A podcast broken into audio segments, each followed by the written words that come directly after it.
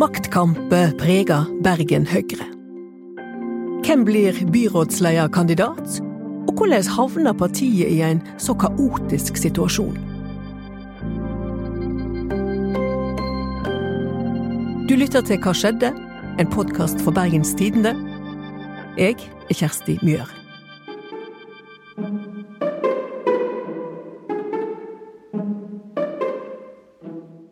Det står mellom to kandidater. Får eh, Harald Viktor Hove en ny sjanse? Eller er det utfordreren Kristine Meyer sin tur til å fronte Bergen Høyre? Nominasjonsmøtet 15.6 ligger an til å bli en thriller. Trine Eilertsen, du er sjefredaktør i Aftenposten, og tidligere sjefredaktør og politisk eh, redaktør i Bergens Tidende. Du kjenner med andre ord bergenspolitikken godt, og så ser du det samtidig litt fra utsida nå, fra Oslo. Hvordan vil du beskrive den situasjonen eh, som har oppstått eh, i Bergen Høyre kort tid før nominasjonsmøtet? Det er jo en sånn eh, situasjon som på en måte er litt sånn klassisk bergenspolitikk, og kanskje litt klassisk Bergen Høyre. Samtidig så det er mange av storbyene som strever med litt eh, rare politiske prosesser inni partiene, det skal jo sies. Men det som skjedde nå, det tror jeg ingen helt hadde sett for seg. At du rett før nominasjonsmøtet skulle oppstå en situasjon som det gjorde nå. At det plutselig var tre navn som eh, var svirret i luften. Eh, og der en av de altså kom fra nominasjonskomiteen. Det tror jeg ikke var noen som hadde sett for seg. Kristine Meyer har overraskende kasta seg inn i kampen om å bli Bergen Høyre sin byrådslederkandidat ved neste valg. Flertallet i nominasjonskomiteen vil ha ho, mindretallet Harald Viktor Hove. To uker før nominasjonsmøtet til Bergen Høyre skjer det noe helt uventa. Kristine Meyer, som er medlem i nominasjonskomiteen og har grilla de aktuelle kandidatene til førsteplassen på lista, hun melder seg ut av komiteen og inn i konkurransen om å bli byrådskandidaten til Høyre. Det er intern uro i Høyre. Jeg ønsker at vi skal ha et samlet Høyre som er med på å konsentrere oss om å vinne valget. Eh, og jeg tror at jeg er en samlet kandidat. Veldig spesielt på den måten at det er ganske innarbeidet kutyme og tradisjoner. Altså det står kanskje ikke skrevet noe sted, men når du sitter i en nominasjonskomité, så gjør du det fordi du, du, er ferdig med å konkurrere om de eh, spisseste vervene. Eh, du sitter der og får god innsikt i hvem som kunne tenke seg og ikke tenke seg. Du vet litt eh, mer om hva organisasjonen mener om de forskjellige kandidatene enn andre gjør. Så du vet jo da mye mer om prosessen som leder frem til det som blir endelig kandidat, enn de aller, aller fleste i partiet gjør. Eh, så når du da har sittet i den prosessen og så tar steget ut og, og lanserer det sjøl, så er jo det et veldig sånn naturlig spørsmål. Eh, hvorfor skjedde det? Hvem er det som har ment at dette var riktig? For det må jo være flere enn en Meyer sjøl. Og hva strømninger er det nå i det partiet som gjør at, det, at de havner i den situasjonen? For sett fra utsiden ser det veldig spesielt ut. Hva krefter eh, tror du står bak Meyers kandidatur? Nei, altså, det er nok, det er nok uh, Uten at jeg følger det veldig tett nå, så er det jo bare å se på det som har skjedd med, med Bergen Høyre de siste årene. At de har, de har ikke vært egentlig i nærheten av makt på ganske lenge. Uh, og det er et veldig unaturlig sted å være for Bergen Høyre. De skal hele tiden egentlig være i nærheten av makt og kunne konkurrere om det. Så det er nok mange i partiet som sier at vi, vi må gjøre noe, vi må endre oss. Vi må liksom få et eller annet ny profil, noe som gjør at ikke bare vi klarer å øke oppslutningen vår fordi folk er misfornøyde med byrådet eh, på en del saker, som jo Høyre eh, tjener på. Eh, men der du faktisk klarer å være et troverdig alternativ, og kan samarbeide med de partiene du må samarbeide med for å få byrådsmakt. Det må jo være da flere i det partiet som sier at vet du hva, nå må vi ha litt blanke ark, begynne litt på nytt og prøve det. Er det en politisk forskjell mellom Meyer og Hove? Eh, inntrykket mitt er jo at det er ikke det viktigste her. Eh, Meyer hører jo tradisjonelt eh, til den lyseblå fløyen i Høyre, om du vil. Altså helt ytterst i det lyseblå. Men i lokalpolitikken er kanskje ikke det det aller viktigste. og Særlig i Bergen så har jo denne bybaneproblematikken vært så altoverskyggende at det har jo stått i veien for veldig mange saker. For mange partier. Oppfatningen er vel ikke at det er politiske forskjeller som er det aller viktigste nå, men det er klart evnen til å samarbeide, til å bygge tillit og bånd til andre partier, det kan handle om like mye personlighet og innretning på ja, noen enkeltsaker enn det gjør på akkurat sånn grunnleggende store politiske forskjeller.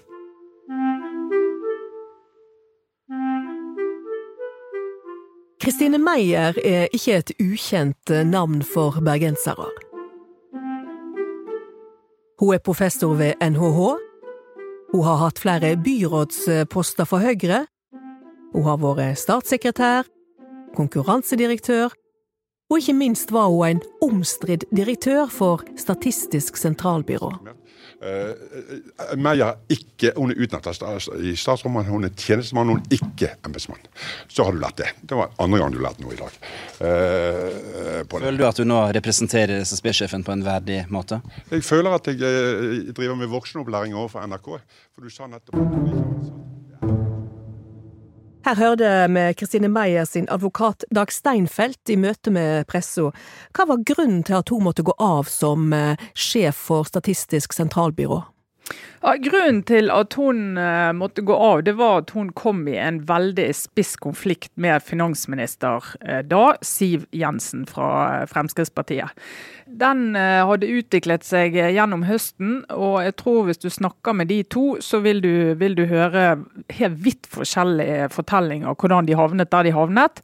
Men det er nok et eksempel på at Kristine Meyer sto på sitt i en situasjon der mange ville veket unna og bare tatt inn over seg at en politisk ledelse ikke har tillit, og bare ville trukket seg stille og rolig. Hun gjorde ikke det, hun tok den kampen.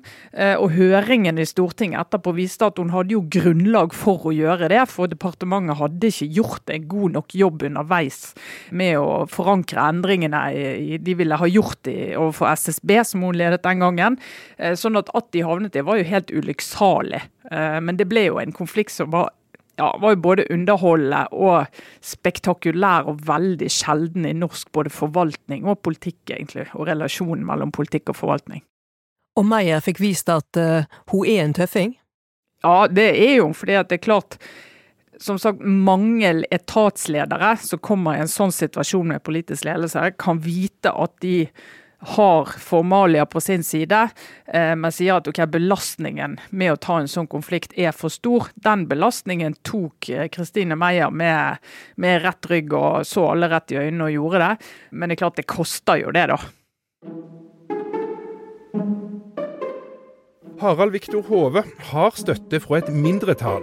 Det er klart Jeg hadde håpet at man fikk muligheten til å få en samlet innstilling. Det kunne gitt eh, oppslutning eh, i partiet. Da tenker jeg vel at det å skifte lagkaptein er kanskje ikke den beste løsningen, men partiet har muligheten til det. Kristine Meyer er ikke den eneste som har utfordra Harald Viktor Hove. For i vår så meldte Eivind Nævdal Bolstad seg på i konkurransen, men han trekte sitt kandidatur etter at Meyer lanserte seg sjøl som kandidat. Hvordan eh, kan vi tolke det faktumet at eh, flere har vært ute etter vervet til HV? Ja, altså, det er i hvert fall ingen tvil om at HV ikke er en samlekandidat der eh, Bergen Høyre er akkurat nå. Altså, jo, det går bra på målingene, har gått litt opp og ned, men det er jo tydelig mange i det partiet som ikke tror at han kan dra de inn i byrådskontorene igjen. Eh, og det at det plutselig har tre navn som har svirret rundt i løpet av bare mai måned, eh, det viser jo at eh, man kanskje ikke helt vet hva retning man vil heller. Har det vært Harald Viktor Hove, så har det i hvert fall kjent veldig på at jeg har ikke klart å samle partiet så langt. I øyeblikket er det ikke mange nok som tror at jeg kan gjøre det i fremtiden. Eh, hvis, det, hvis, jeg skal fortsette, så er jeg nødt til å markere veldig tydelig at jeg har tenkt å gjøre noe med det. På Bergen næringsråds eh, årsmiddag så pleier Bergen næringsråd å hipse. Så la meg begynne dagen i dag med å hipse Bergen næringsråd. Dere fortjener virkelig skryt.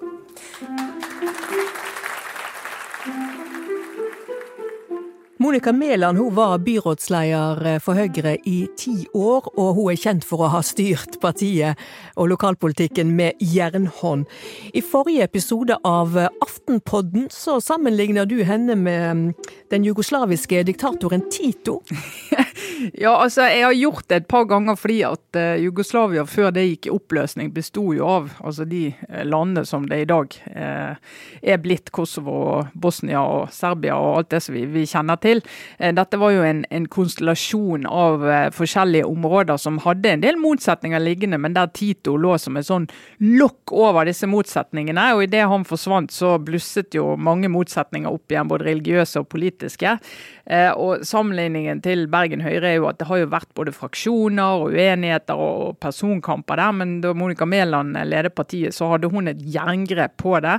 Eh, og godtok egentlig ikke så mye slinger i valsen og så mye soloinitiativ. Og hadde jo òg en helt unik posisjon. Hun satt jo, vant jo valg for Høyre om igjen, om igjen, om igjen.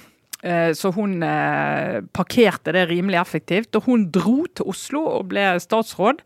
Eh, så blusset jo mye av dette opp i full blomst. Eh, og eh, vi har jo sett at Høyre har jo ikke helt funnet formen siden.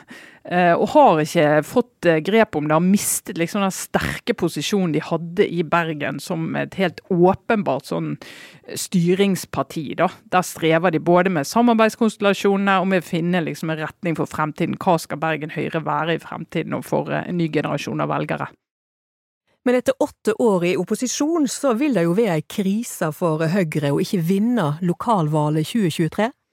Ja, det vil det jo være. Altså, det er jo eh, det er litt sånn samme situasjon eh, i Oslo, faktisk. At uh, Høyre hadde dominert i mange år. Uh, du får et skifte. Arbeiderpartiet leder byråd, uh, som strever på sin måte, men du klarer aldri å ta tilbake makten. og begge steder ser vi jo det at bypartiet Høyre, i både Oslo og Bergen, har slitt med å finne formen på hva et moderne, konservativt parti i en storby er for noe. hvordan skal du klare å fange de gamle kjernevelgerne dine, hvordan skal du klare å appellere til nye.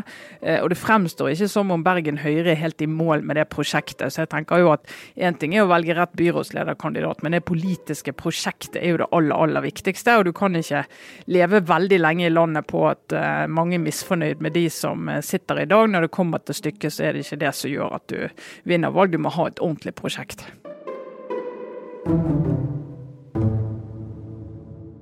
Og så er da spørsmålet Hove eller Meyer. Hva tipper du blir utfallet på nominasjonsmøtet 15.6, Trine Eilertsen? Du, jeg tør ikke å spå, for bergenspolitikken er kanskje det minst forutsigbare jeg vet om. Eh, så jeg tør ikke å spå, for jeg er helt sikker på at jeg kommer til å spå feil. Men jeg er i hvert fall helt sikker på at jeg skal følge det tett, for det kommer til å bli et utrolig spennende nominasjonsmøte. Og så, så eh, regner jeg med at Bergens Tidende sørger for å telle opp litt delegater på forhånd, så de kan lage noen fine forhåndssaker om det. I denne utgåva av Hva skjedde? har du hørt lydklipp fra NRK og Bergen næringsråd. Episoden er laga av Anna Offstad, Henrik Svanevik og Kjersti Mjør.